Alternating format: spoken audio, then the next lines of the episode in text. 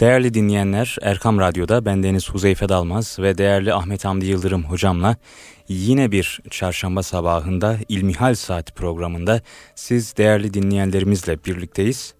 Evet hocam programımıza hoş geldiniz. Hoş bulduk Allah razı olsun. Sağlığınız saatiniz iyidir inşallah hocam. Elhamdülillah. Evet değerli dinleyenler bildiğiniz üzere şehit haberleri geliyor. PKK'nın kalleşçe saldırıları sonucunda şehitlerimiz var. İlk sorumuz şehitlerle alakalı olacak. Hocam vatanımızın milletimizin selameti için şehitlerimiz için neler yapabiliriz? Onlar için okunacak dualar var mıdır diye ilk sorumuzla girişimizi yapalım hocam. Buyurun. Elhamdülillahi Rabbil alemin ve salatu ve selamu ala Resulina Muhammedin ve ala alihi ve sahbihi ecmain. Tabi hepimizin yüreği sızlıyor. Gönüllerimiz kan ağlıyor. Ama çok çok daha acısını şehit evlatlarımızın anneleri, babaları, yakınları yaşıyorlar. Fakat bununla beraber unutmamak gerekiyor ki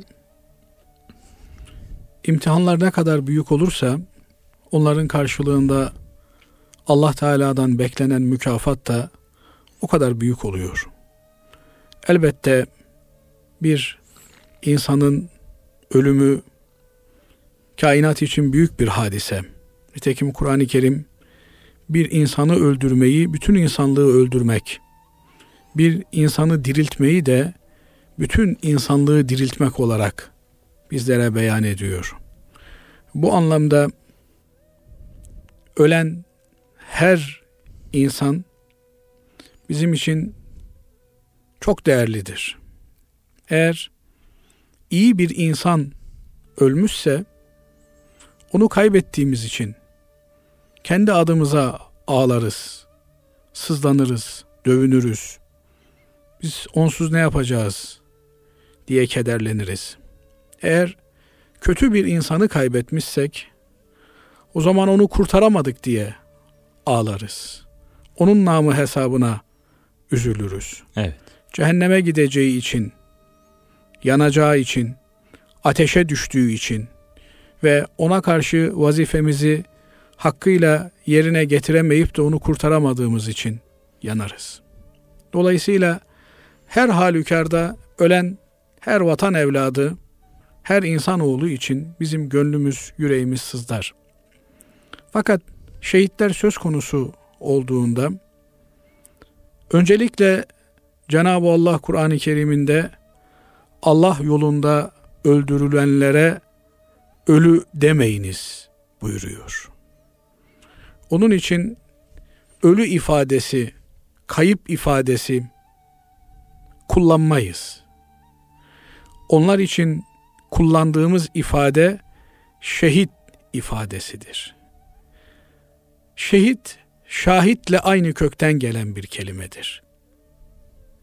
Şehide niye şehit dendiğini anlayıp idrak edebildiğimiz zaman gerçekten gıpta edilecek, imrenilecek büyük bir makama, mevkiye sahip olduklarını anlarız, idrak ederiz. Biliyorsunuz biz bu dünya hayatında üç boyutlu kusurlar içerisinde yaşıyoruz. Yani hani derler ya buna yaşamak deniyorsa yaşıyoruz. Evet. Ama bu yaşantının, bu hayatın birçok sıkıntıları var. Birçok illetleri söz konusu.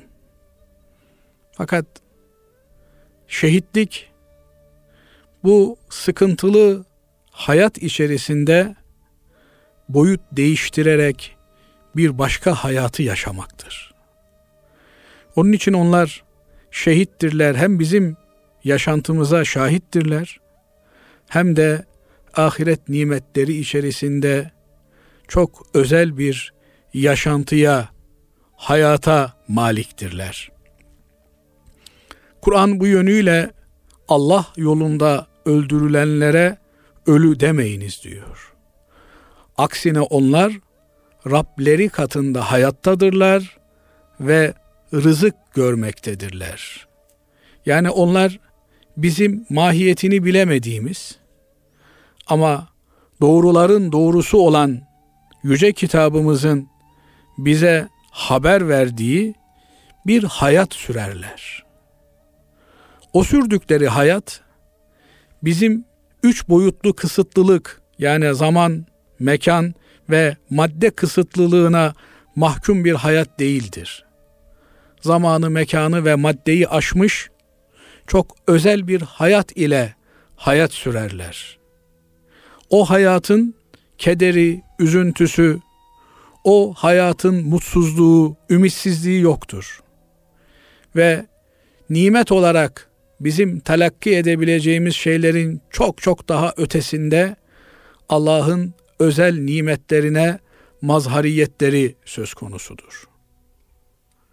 Böylece zahiren dünya hayatından ayrıldığını gördüğümüz bu yüce mertebeyi kazanmış olan yiğitlerimiz bir başka yönüyle ulvi ve ebedi bir hayatı yaşamaktadırlar. Zaten ölüm dediğiniz hadise eğer Allah için yaşanan, adanan bir ömrün peşinden gelmişse ölüm yoklukların değil, yeni varlıkların ve kazanımların zorunlu geçidi sayılır. Bu yönüyle Allah'ın dininin yaşanması için, Allah'ın kitabının okunması için, Müslümanların rahat ve huzuru için, imanın devamı için, vatanın birlik ve bütünlüğünü bu gaye uğruna savunmak için mücadele eden ve şehit düşen kardeşlerimiz öncelikle bizlerden onlar hakkında hüsnü zan beslememizi beklerler. Onları ölü, kayıp ve yitik olarak görmemiz onlara yaptığımız veya yapacağımız en büyük haksızlığı teşkil eder. Eğer bir hayat varsa o şehitlerin yaşadığı hayattır. Eğer ölüm söz konusuysa bu vurdum duymazlık ve aymazlık içerisinde bizlerin ölümü söz konusudur. Yoksa onlar dünyalık olarak sahip oldukları en değerli şeylerden biri olan canlarını, son nefeslerini kelime-i şehadetle tamamlayarak Allah'ın dini adına bir hizmet görmenin ulvi derecesini ve makamını yaşamakla zaten Allah katında en büyük mükafata mazhar olmuşlardır. Evet. Bundan sonra onlar söz konusu olduğunda onlar ile ilgili kullandığımız dil Kur'an'ın ve sünnetin çerçevesine ve çizgisine uygun bir dil olmalı. Yani Allah onlardan bahsederken onların özel bir hayat ile berhayat olduklarını ifade ettiğine göre gerçek hayatı onlar yaşıyorlar ve şey yaşayacaklardır. Evet. Bir diğer husus da Huzeyfe Bey bir ulvi gaye için şehit olan insanlarımızın, yiğitlerimizin, kahramanlarımızın ardından ağıt yakmak, inlemek, sızlamak yerine Uhud'da sahabe efendilerimizin dillerinden dökülen o yüce söyleme sahip olmamız gerekir. Dinleyenlerimiz hatırlayacaklardır. Uhud'da Müslüman ordusuyla müşrik ordusu karşı karşıya geldiğinde önce Müslüman ordusunun zaferi sahneye hakim olur. Ardından Okçu Tepesi'ndeki Hz. Peygamber sallallahu aleyhi ve sellem Efendimizin aman ha buradan sakın ayrılmayın dediği sahabe efendilerimizin Müslümanların zaferini gördüklerinde o zafere ortak olmak için tepeyi bırakıp da savaş sahasına inmeleriyle beraber başlayan Müslüman ordusundaki bozgun sahnede egemen olan durumdur. İşte bu hengamede müşrik ordusu iki taraftan Müslümanların üzerine saldırdığında bir söylenti yayılır ortalığa. Denir ki Muhammed öldü. Muhammed öldü denir. Aleyhissalatu vesselam. Peygamber aleyhissalatu vesselam Efendimizin sevgisi iliklerine kadar damarlarına yerleşmiş olan Müslüman ordusunun neferlerinde büyük bir manevi çöküşe sebep olur. Derken işlerinden bir sahabe efendimizin haykırışı her tarafı inletir. Muhammed öldüyse der aleyhissalatu vesselam. Bizim burada oturup kadınlar ve çocuklar gibi ağlamamız mı gerekir? Kalkın. Hz. Peygamber sallallahu aleyhi ve sellem Efendimiz hangi dava uğruna ölmüşse o dava için kanımızın son damlasına kadar çarpışmaya biz de devam edelim. Dolayısıyla şehitlerimizi memnun edecek olan, onların hatıralarını canlı ve taze tutacak olan, onların bizlere emanet ettiği bayrağı son demimize kadar muhafaza etmemizdir. Bu vatan evlatları son neferine varıncaya kadar bu vatanı müdafaa etmeye memurdurlar. Bu uğurda dökülen kanlar lüzumsuz yere dökülen kan değildir. Allah katında o dökülen kanın her bir damlası kıymetlidir. Evet. Ama bir taraftan gencecik insanlarımız, yiğitlerimiz, kahramanlarımız kanlarını bu vatanın, milletin bölünmez bütünlüğü için tabiri caizse akıtırken diğer taraftan vatanın kalan evlatlarının da bu hissiyatı ve şuuru yaşamaları gerekir. Milletin, devletin ve bu toprakların birliğini, bütünlüğünü muhafaza edecek olan yegane unsur hep birden Allah'ın ipi İslam'a sarılmaktır. Bizi İslam kardeşliğinin dışında hiçbir şeyin birleştirmesi mümkün değildir. Dolayısıyla bu kardeşliğin etrafında kenetlenme mecburiyetimiz vardır. Bu kardeşlik hukukunu ihya etme mecburiyetimiz vardır. Allah'ın dinine tekrar dönmek ve her birimiz kendi adımıza eksiklerimizi gözden geçirerek daha iyi bir Müslüman, daha iyi bir vatandaş olmanın çabasını, uğraşını vermeliyiz.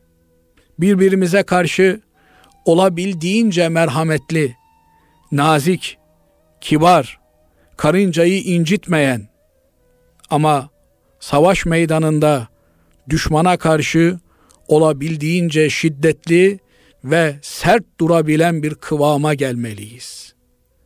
Maalesef bu olayların akabinde asıl terörün maksadı olan kardeşi kardeşe kırdırmak evet. ve bir iç savaşa sebebiyet verme hedeflerine bir takım aymazların çanak tuttuklarını görüyoruz.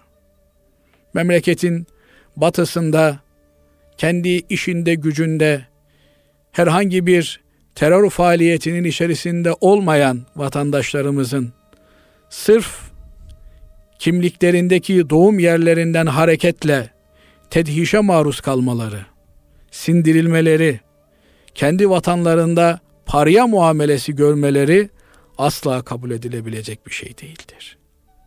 Burada ilkel toplumların, İslam dışı anlayışların zihniyetinin bir ürünü olan toplu cezalandırma, toplu sindirme ve tenkil hareketleri asla dinimizin müsaade edeceği, izin vereceği bir şey değildir. Evet. Sapla samanı birbirinden ayırmak gerekir. Ayırmak gerekir ki bu dökülen kanlar beyhude yere dökülmüş olmasın. İnadına kardeşliğe, inadına İslam'ın ipine sarılmaya ihtiyacımız var. Kaldı ki bizi kurtaracak olan yegane unsur bütün bir millet olarak yeniden bir Müslümanlık hamlesinin içerisine girmemiz gerekiyor. Bu sadece söylemde kalan bir hamle olmamalı. Sosyal yönü ağır basan, kardeşin kardeşi kolladığı, gözettiği, kimsenin kimseye üstten bakmadığı, herkesin eşit seviyede Allah'ın kulu olduğu bilincinin egemen olduğu asr-ı saadet toplumunun çizgilerine dönme mecburiyetimiz var. Bunun için hepimiz çalışmalıyız. Herkes kendi oturduğu pozisyonda bu projeye nasıl katkı sağlayabilir? Bunun endişesini vermeli. Elbette şehitlerimiz için okuyacağımız Kur'anlar, onlar adına yapacağımız hayır ve hasanatlar, onların ruhlarını şad edecek amellerdir. Ama belki de en önemlisi akan kanı durduracak kardeşlik projeleri üzerinde kafa yormaktır. Nihayetinde kim ölürse ölsün ölen bizim yitiğimizdir.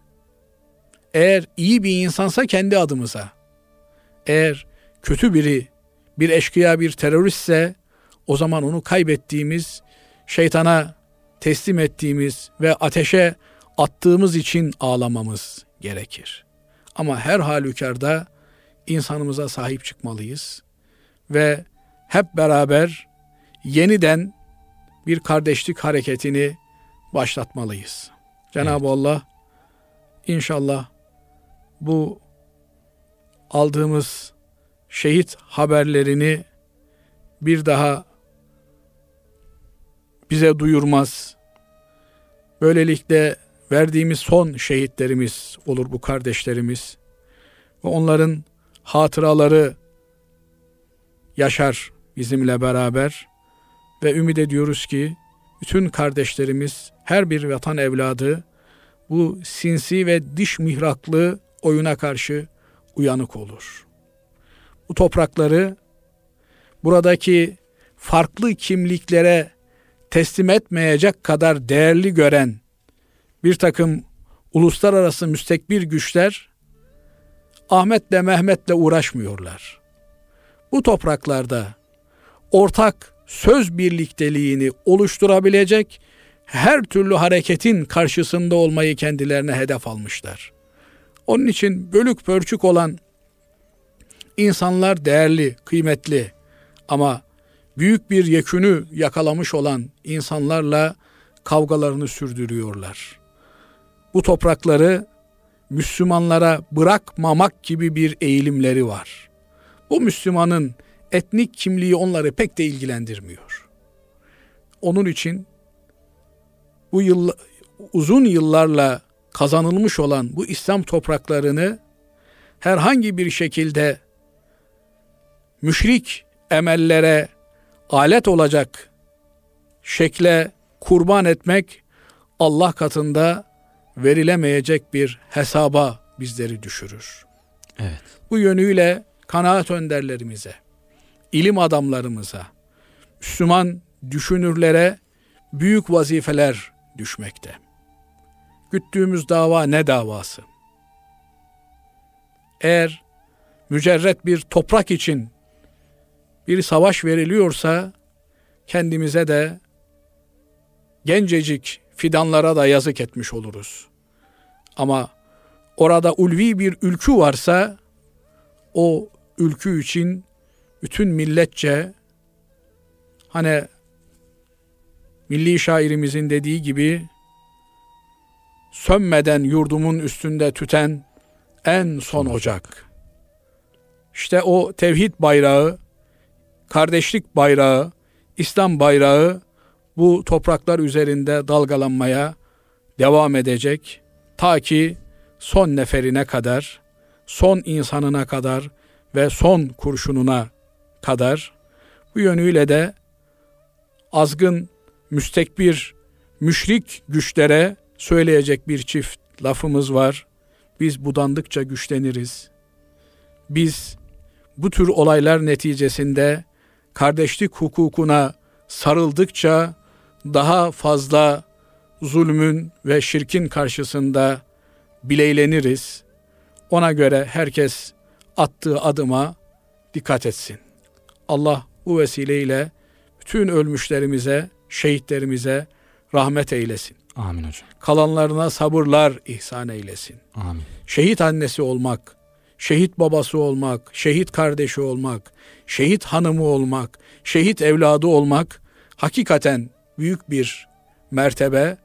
Bu mertebeyi yaşayabilmeyi Allah hepimize nasip eylesin. Amin. Bizlerin duasındadır. Ya Rabbi beni huzuruna alacağın zaman şehit olarak huzuruna al. Çünkü ölüm mukadder. Hepimiz öleceğiz. Ama şehit olarak ölebilmek hepimizin arzusu ve ümididir. Cenab-ı Allah bu vesileyle tekrar tekrar şehitlerimize rahmet etsin Amin diyorum. hocam. Evet hocam 3 haftadan beri kurban konusu üzerinde duruyoruz. Dinleyicilerimizden gelen soruları cevaplamaya çalışıyoruz. Bu haftada yine kurban konusundan devam ediyoruz. Kurban etinden veya derisinden kasap ücreti verilebilir mi? diye bir soru var. Buyurun hocam. Evet birinci bölümde şehitlerimizi konuşmuş Evet. olduk. İnşallah Cenab-ı Allah bugünden sonra sadece kurban kanı gösterir bizlere. İnşallah. Şehit kanlarını görmeyiz.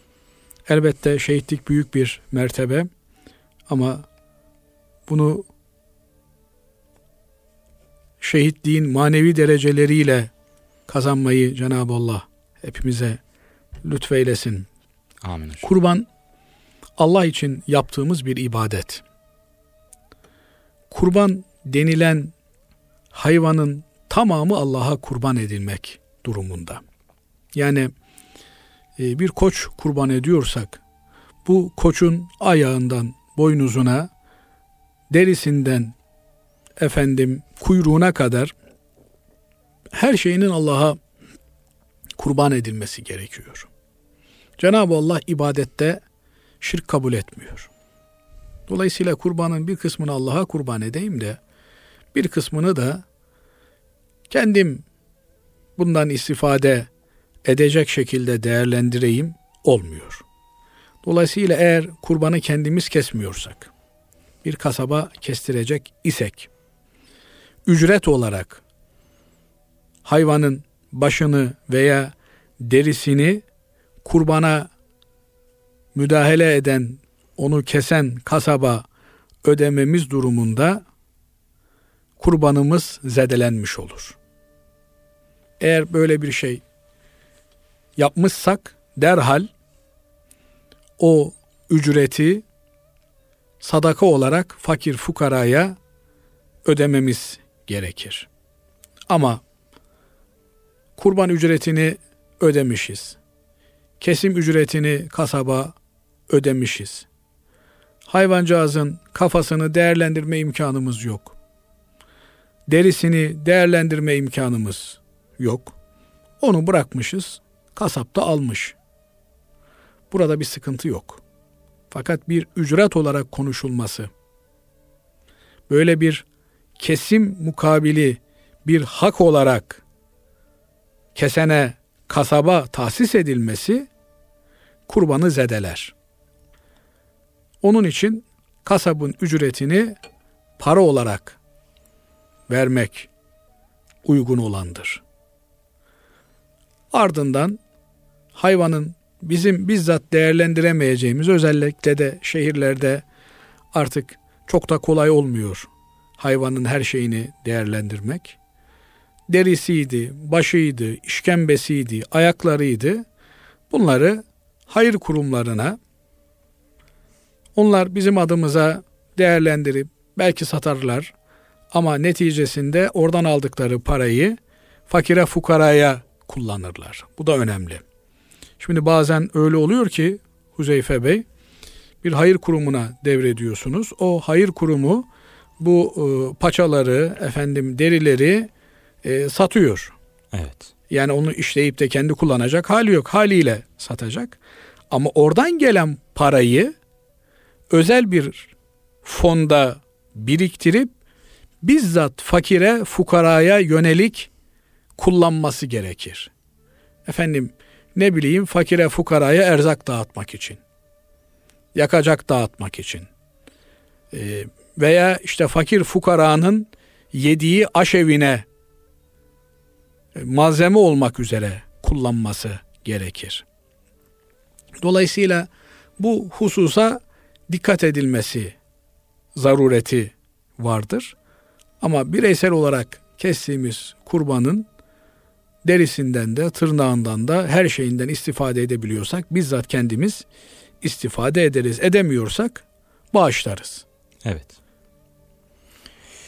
Kurban etinin ve derisinin satılması caiz midir diye bir soru var hocam. Geçen hafta da benzer bir soru vardı. Buyurun hocam. Şimdi e, az önce de ifade etmeye çalıştığımız üzere kurbanın tamamı Allah'a adanmış bir kurbandır ve ondan kişisel olarak kurbanı kesen kimsenin yemenin haricinde istifade etmesi doğru değildir. Yani kestiğimiz kurbandan kurbanı kesen olarak yiyebiliriz. Kurbanı kestik, derisini tabaklayıp, kurutup, efendim posta olarak kullanabiliriz. Yaygı olarak kullanabiliriz. Ama kurbanı kestim 15 kilo geldi. Zaten doktor da bana et yemeyeceksin dedi. İşte filan filan hastalıklarım var. E, ne yapayım ben bu 15 kilo eti? Zayi olsun? E, götüreyim kasaba satayım bari. Hayır. Satamazsınız. Onu siz kullanamayacaksınız. Fakire, fukaraya dağıtırsınız. Eşe, dosta dağıtırsınız. Ha, dağıttığınız kimse bunu değiştirebilir mi? Bir mübadele aracı olarak kullanabilir mi? Onun mülkiyetine geçtikten sonra artık o dilediği gibi orada tasarruf edebilir. Ama ilk kurbanı kesen kimse veya kurban kesenlerin vekaletlerini toplayıp da onlar adına kesen müessese söz gelimi filan vakıf, filan dernek bağışçılarından bağış topluyor, isimleri topluyor, o isimlerin kurbanlarını kesiyor. Evet. Bu vekaletle kurbanları kesen kurumda bizzat kurbanı kesen gibidir. Dolayısıyla onların da eti efendim işte 100 ton et birikti burada biz bunu nasıl değerlendireceğiz? Bunu satalım da parasını değerlendirelim deme hakları yok. Niye? Çünkü vekaletle kurban kesmişler. Bizzat kurbanı kesen gibidir. O kimseler o eti fakire, fukaraya, Müslümana, eşe, dosta dağıtmakla mükelleftirler. Yani biliyorsunuz kurban etini üçe taksimini kitaplarımız bize söylüyorlar. Üçte birini çoluğunla çocuğunla yersin diyor. Üçte birini kolu komşuyla akrabayla yersin.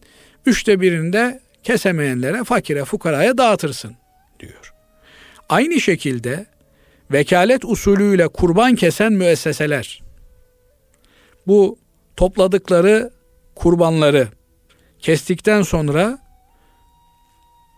derin dondurucularda, soğuk hava depolarında saklayabilirler. Ve ihtiyaç oldukça fakire, fukaraya, talebeye dağıtabilirler. veya hemen keser kesmez çevreye dağıtabilirler. Veya işte kavurma yaparlar, gelene gidene ikram ederler. Ama işte burada çok et birikti. Biz bunları satalım diyemezler. Fakat dışarıdan et olarak gelmişse söz gelimi ben işte üç tane büyükbaş hayvan kestim ve getirdim e, filan kurumdaki talebeler yesin diye buraya bağışladım.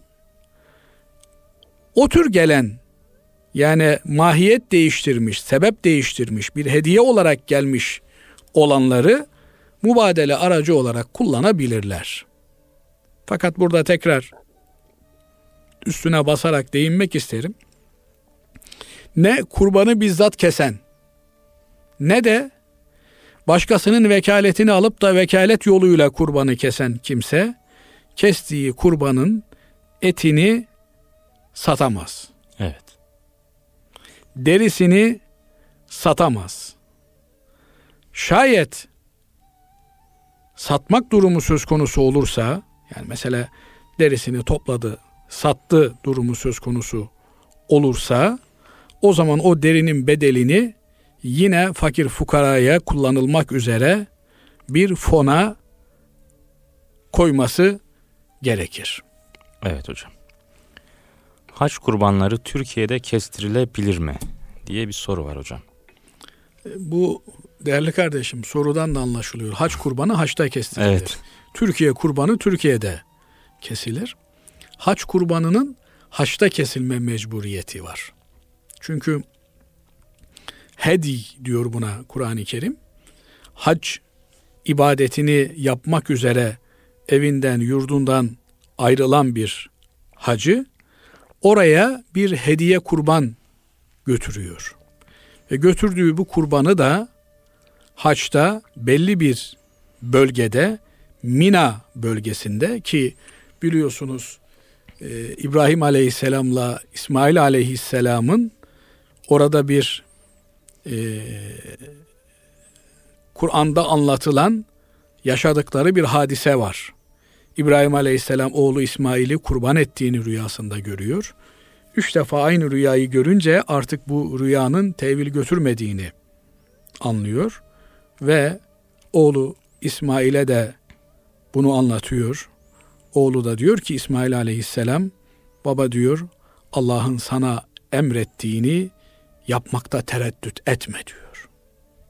İnşallah beni de sabredenlerden bulacaksın diyor.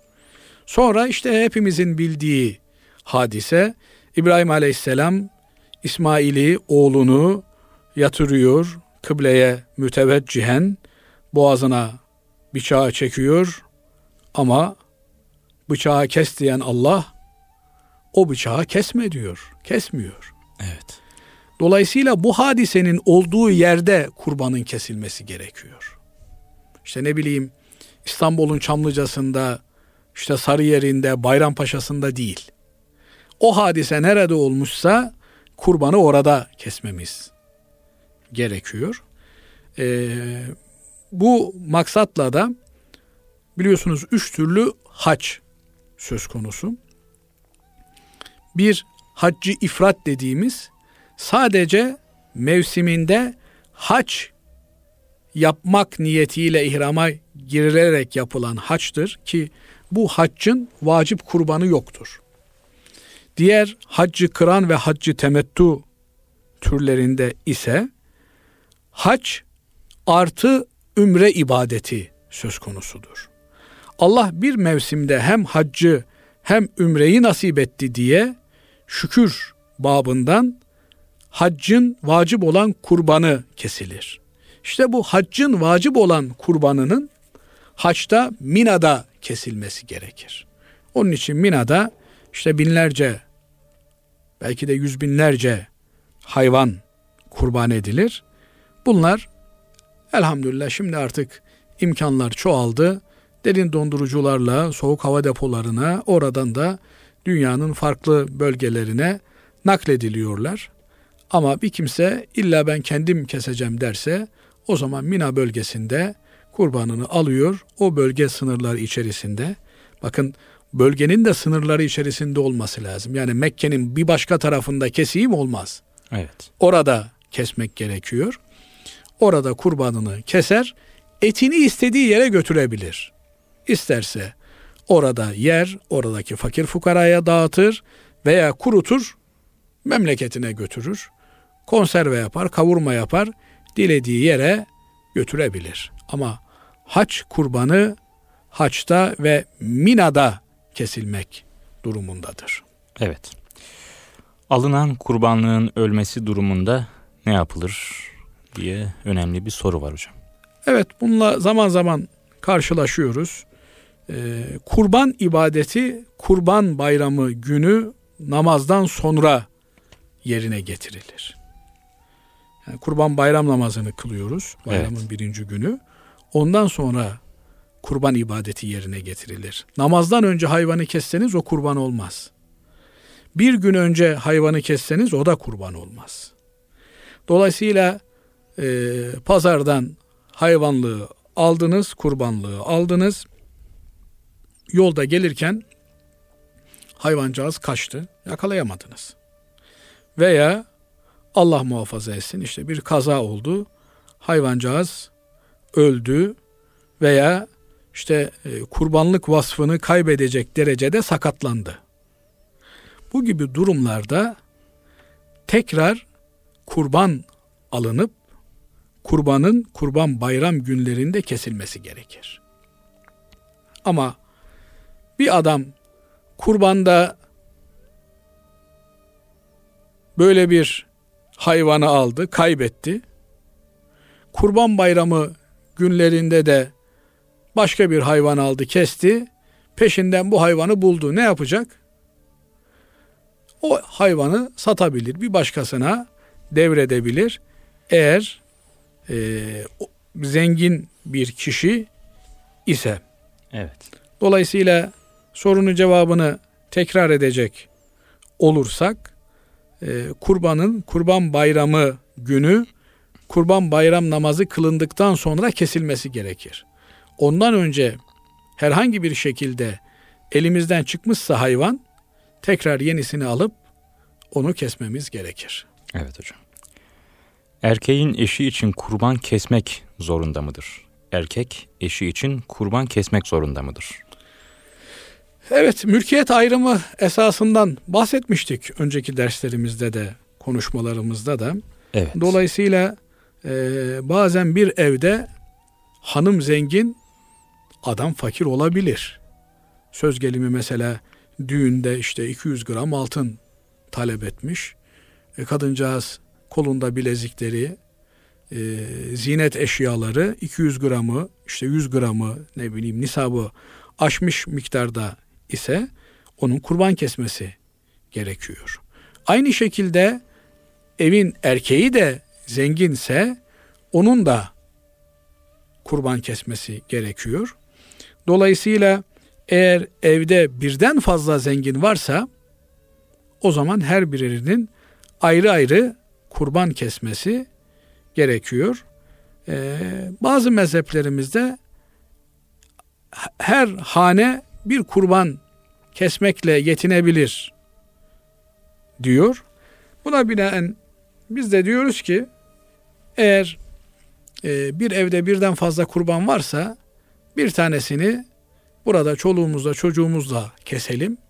Diğer bir tanesini de işte yurt dışındaki kurban kesemeyen yerlerdeki kardeşlerimizin olduğu yerlere vekaleten gönderelim. Orada kesilsin. Hem bizim kurban ibadetimiz yerine gelmiş olsun hem de o kardeşlerimizi de hatırlamış olalım. Evet hocam. Kurban kanın alına sür kurban kanının alına sürülmesinin dinimizde yeri var mıdır? Hayır. Kurban kanı necistir. Yani pistir. Akan kan kesinlikle üzerimize bulaşmamalıdır. Üzerimize bulaşırsa derhal temizlenmeli, yıkanılmalıdır. Evet kurban bir ibadet ama kurbanın içerisindeki işte ne bileyim işkembesinin içerisindeki şeyler, kurbanın akan kanı bunlar necistirler. Dolayısıyla Müslüman temizdir. O kanı e, parmak banıp da bir Müslümanın alnına sürmek doğru bir şey değil. Geleneklerimizi dinimizin önüne geçiremeyiz asla. Hayır. Yani geleneklerimiz bazen e, yabancı kültürlerin tesiriyle de oluşmuş olabiliyor. Evet. Dolayısıyla bu yanlışı hatırlatmamız gerekiyor. Allah için kestiğimiz bir kurbanı bu tür hurafelerle, batıl şeylerle zedelememiz doğru değil. Evet hocam. Zira Kur'an-ı Kerim'de açık bir şekilde ifade ediyor ki kestiğiniz kurbanın ne eti ne kanı Allah'a ulaşmıyor. Allah'a ulaşan sizin takvanız, takvanız yani Allah neyi nasıl yapmamızı emrettiyse onu öyle yapmamız. Bu hususlarda dikkatli olmak gerekiyor. Evet hocam. Allah razı olsun hocam. Programımızın Cümlemizden. sonuna geldik. Teşekkür ederim ben de. Allah razı olsun. Böyle bir fırsatla sevgili dinleyicilerimizle beraber olma imkanı buluyoruz. Cenab-ı Allah söylediğimiz doğruların tesirini baki eylesin. Amin hocam. Sürçülisan eylemişsek affeylesin. Allah razı olsun hocam. Evet değerli dinleyenler yine bir İlmihal Saati programımızın sonuna geldik. Bir sonraki programda yeniden buluşmak ümidiyle hoşçakalın Allah'a emanet olun.